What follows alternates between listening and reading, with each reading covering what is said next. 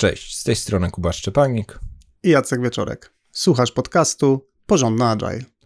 Rozmawiamy o tym, jak pracować zwinnie i jak robić to porządnie. Zapraszamy.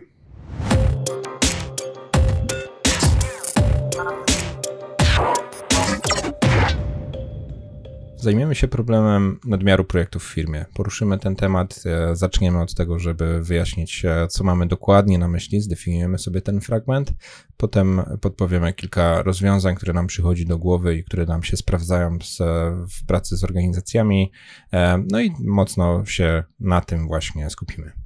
Istnieje kilka mm, problemów związanych z sytuacją, w której jednocześnie toczy się zbyt wiele e, projektów czy inicjatyw. Przede wszystkim jest to sytuacja, w której ludzie są zapracowani, a efektów albo nie ma, albo te efekty są bardzo mocno e, odsunięte w czasie. Drugi problem, który można zaobserwować, to to, żeby uzyskać efekty w takiej konfiguracji, no to trzeba jakimiś pojedynczymi osobami bądź pojedynczymi projektami, e, że tak powiem, e, luźno potrząsnąć, czyli jednak przyłożyć jakąś tam e, uwagę, skupienie, zwrócić uwagę, że ej, przecież jest projekt X, który powinien być na jakimś tam innym etapie, dlaczego to się nie dzieje. No i ostatni, ostatni problem jest taki, że w sytuacji, kiedy toczy się wiele inicjatyw jednocześnie, e, pojedyncze osoby mogą być zaangażowane w różne e, projekty i w różne działania i bardzo szybko mogą stać się takie osoby wąskim gardłem, w szczególności jeżeli są to e, eksperci domenowi z naszej organizacji, których po prostu mamy mało.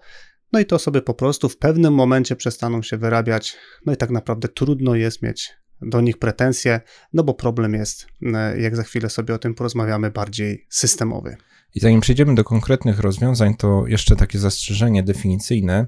W tytule odcinka są projekty, będziemy też zamiennie używać słowo inicjatywa, natomiast e, tutaj bądźmy ostrożni, gdy słuchamy tych naszych porad, nie interpretuj ich e, tak, jak w Twojej firmie się definiuje projekt, albo to, jak to rozumiesz. Tak naprawdę my zamiennie tutaj używamy takich słów jak inicjatywa, takich słów jak pomysł na produkt, pomysł na feature, etap rozwoju produktu.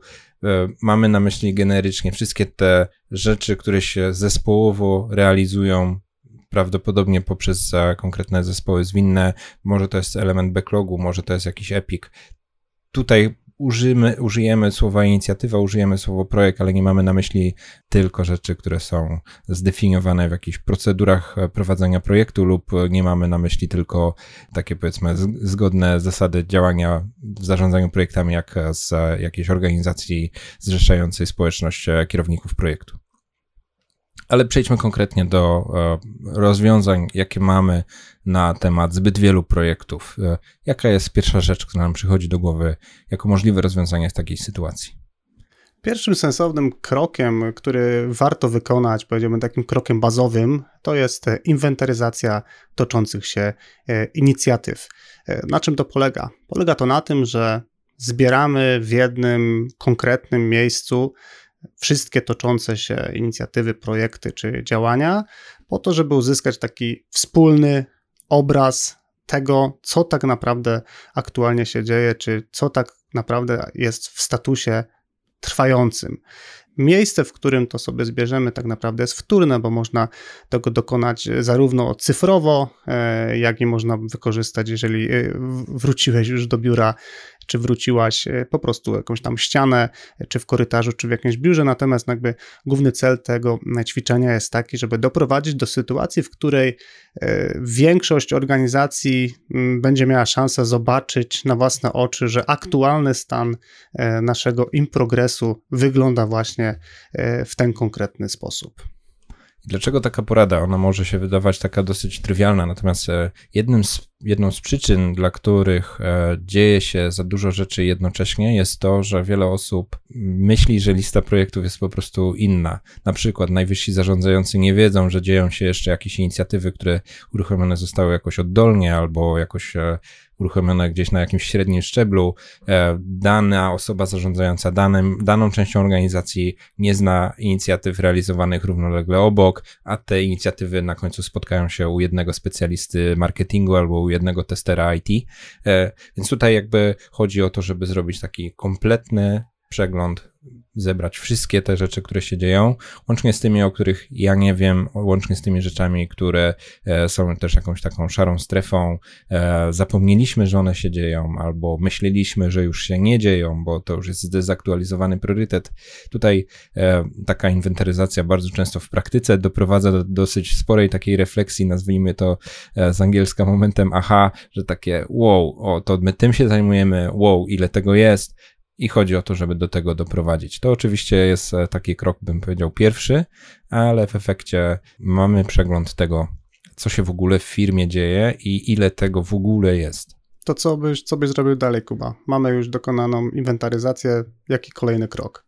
Następnym krokiem, który jest możliwy po tym, jak tą inwentaryzację zrobiliśmy, to też e, jakaś forma wizualizowania postępu.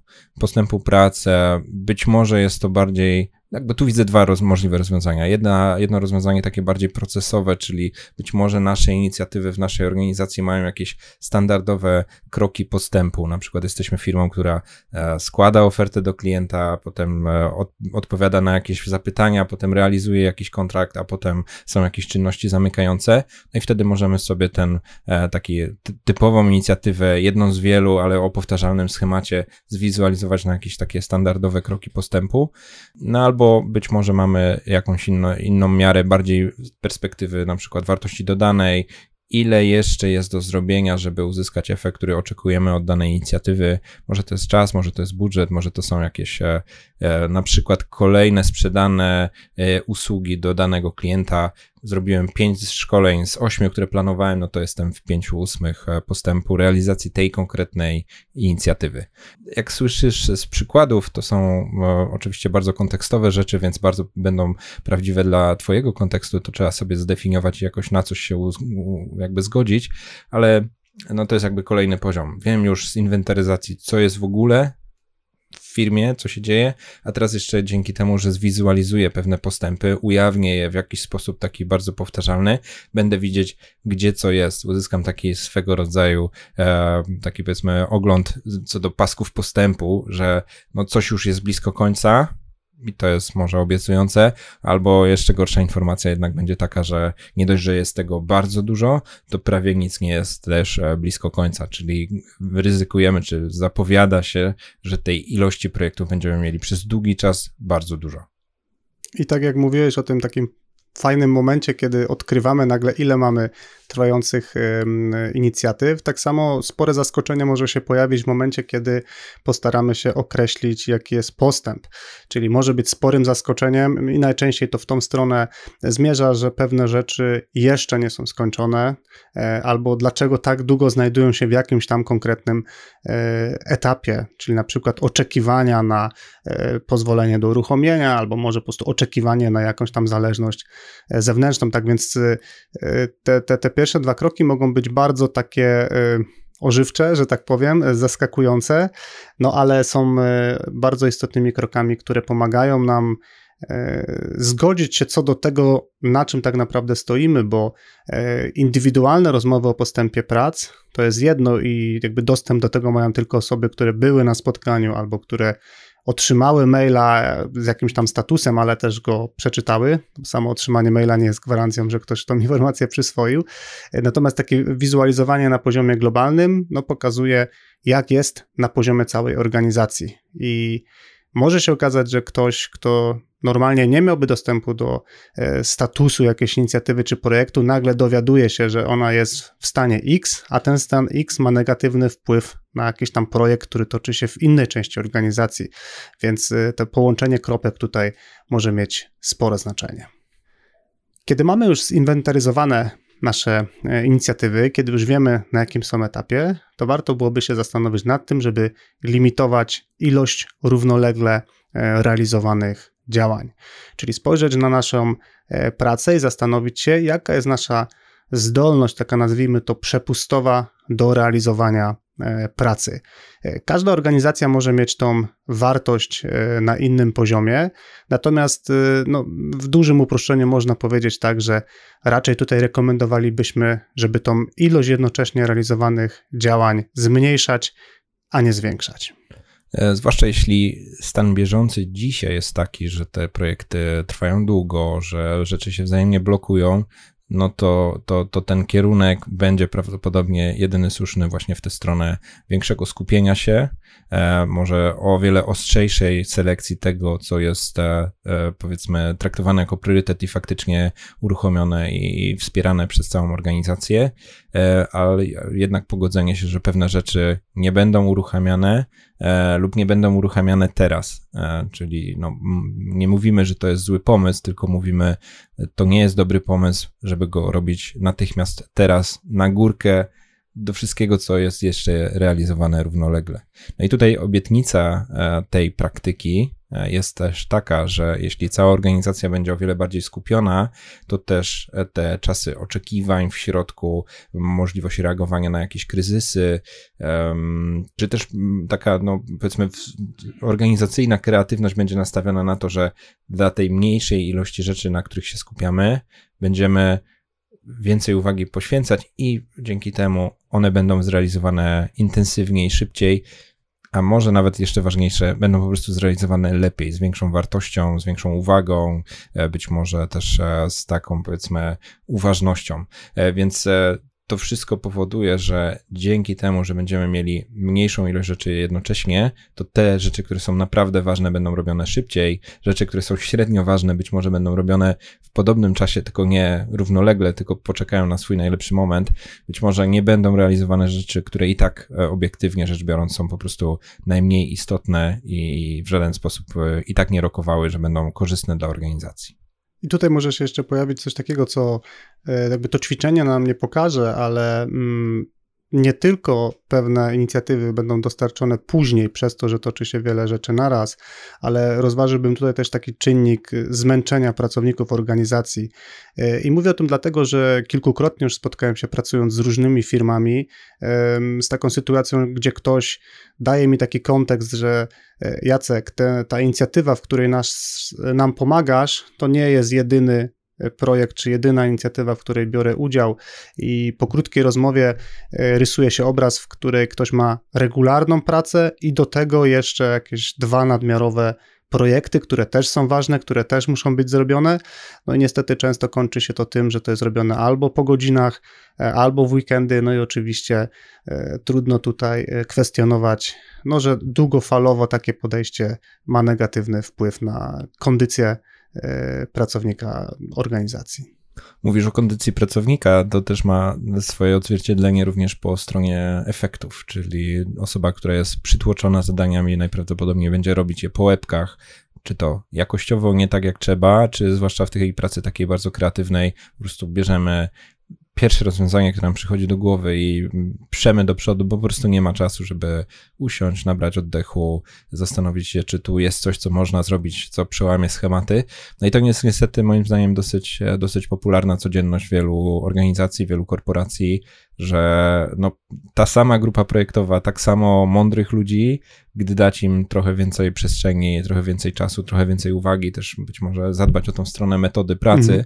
nagle się okazuje, że te efekty są w stanie osiągnąć o wiele lepsze, bo po prostu mają na to czas. Nie mają tej presji byle szybciej, byle, byle do brzegu, bo, bo 17 innych rzeczy czeka w kolejce na odpowiedź w skrzynce mailowej, więc nie mam czasu, żeby się naprawdę skupić, czy zrobić to w dobry, mądry sposób.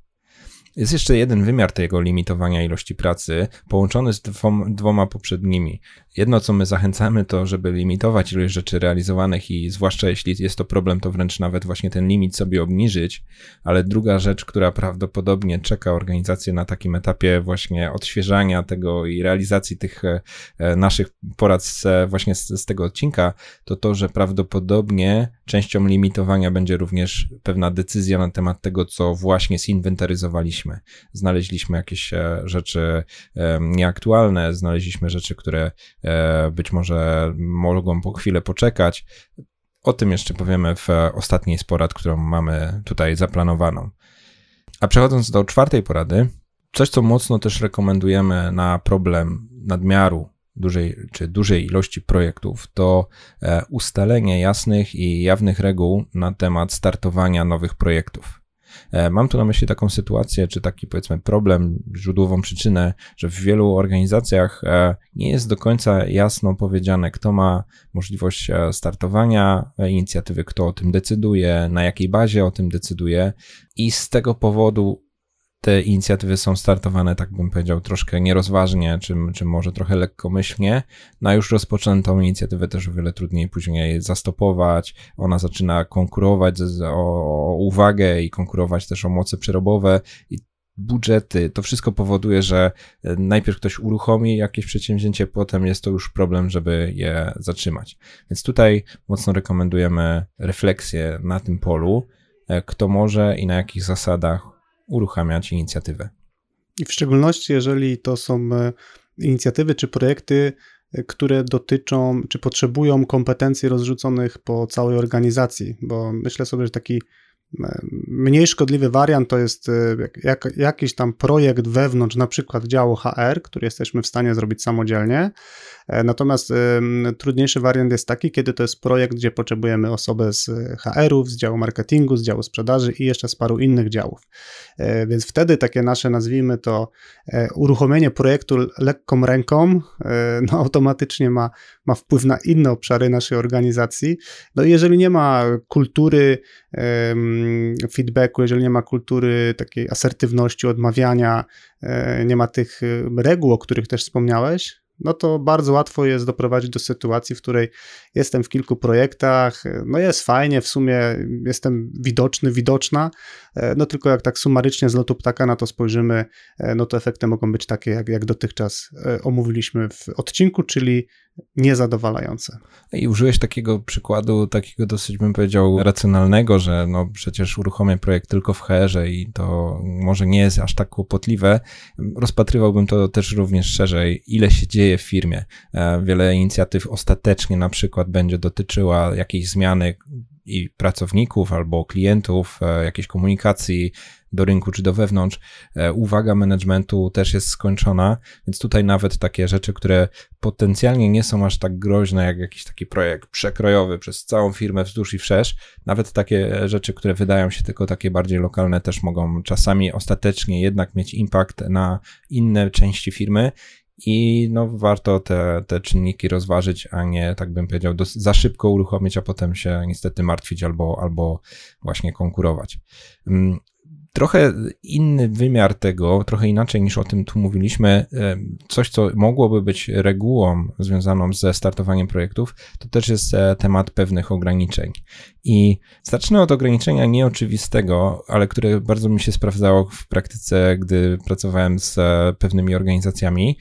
Możliwym ograniczeniem startowania nowej inicjatywy jest na przykład znana, jawna, nazwana z imienia, nazwisko osoba, która będzie jakiegoś rodzaju liderem tego projektu, na przykład product ownerem w Scrumie, e, project managerem, kierownikiem, jakkolwiek to nazwiemy. Czyli startujemy mhm. projekt dopiero wtedy, gdy wiemy, kto będzie osobą, która będzie nadawała tutaj ton, miała wizję tego, w którą stronę zmierzamy, definiowała jakąś wartość biznesową. Coś, co w niektórych organizacjach jest kłopotem, to to, że najpierw się myśli, zrobimy coś, a potem się dopiero szuka, kim to zrobimy. No i tutaj bardzo konkretnym ograniczeniem odwracającym ten problem jest to, że jeśli nie mamy wizjonera, który się jest gotów podjąć czegoś takiego, to po prostu jako organizacja nie jesteśmy gotowi, żeby ten, ten projekt uruchomić.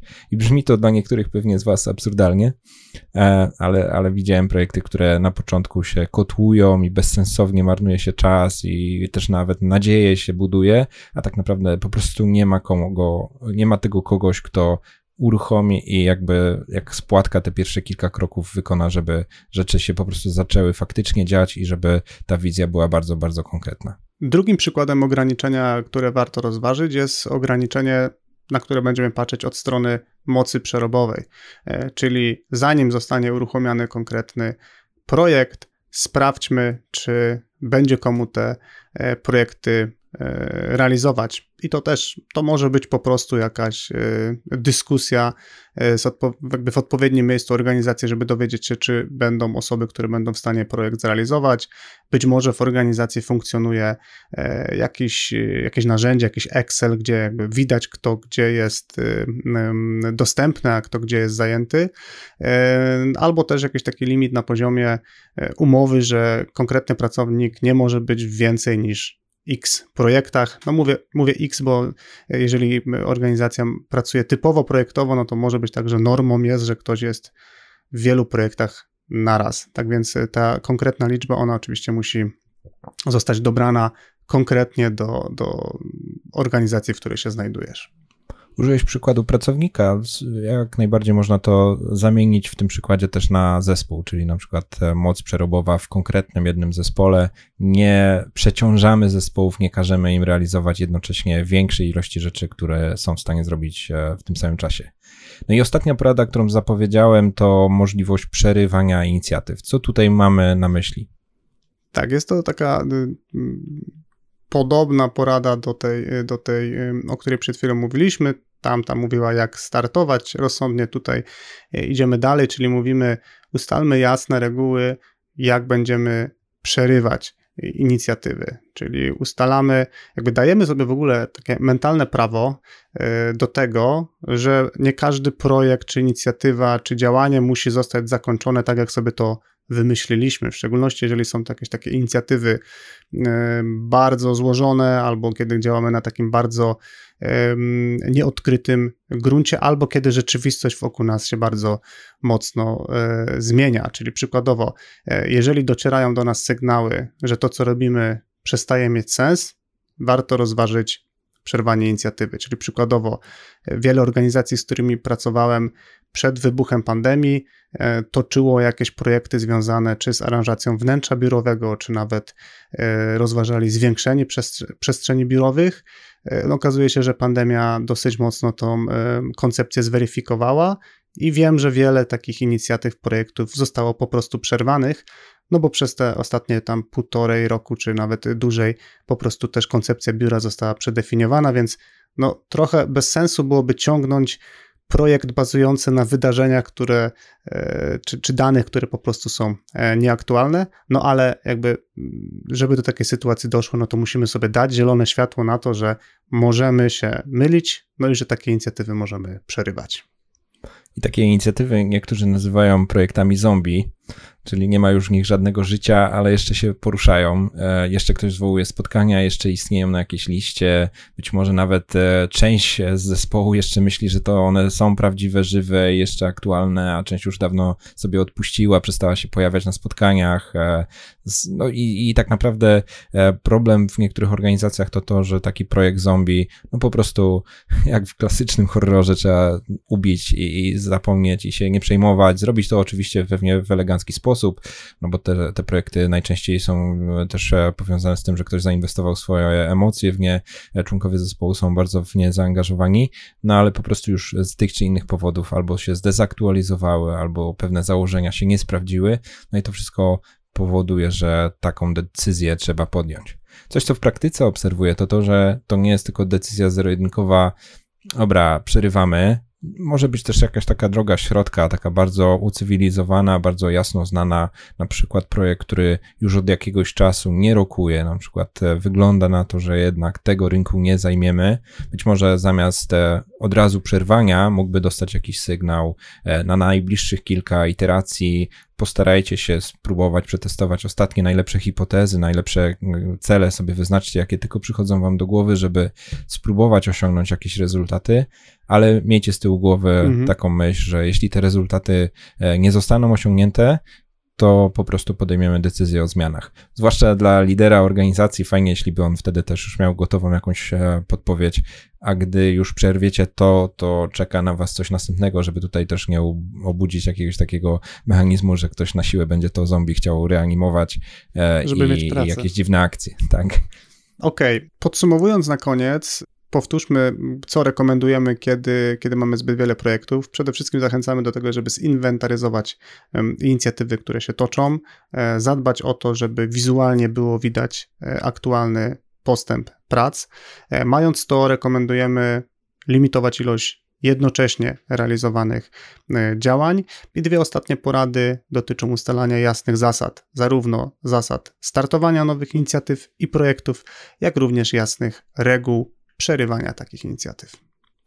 I y, ponieważ jest to tematyka projektowa, to może się mocno nasuwać w to, co rekomendujemy, czy tak przypominać jakieś takie żelazne zasady zarządzania projektami.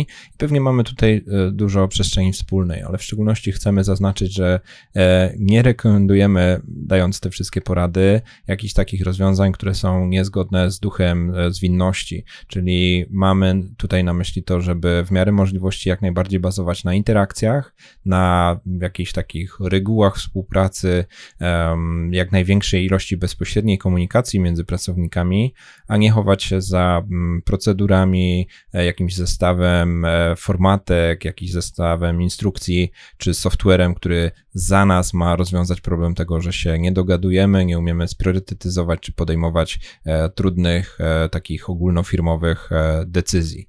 W szczególności też mamy na myśli to, żeby ten sposób myślenia, który tutaj rekomendujemy, był współodczuwany, czy, czy taki podzielany przez e, management w firmie, przez e, również członków zespołów e, projektowych, a nie żeby, żeby to wprowadzić poprzez wprowadzenie na przykład dedykowanych zespołów, które będą się zajmować tym, żeby śledzić inicjatywy, aktualizować ich postęp lub, lub w jakiś sposób tym zarządzać.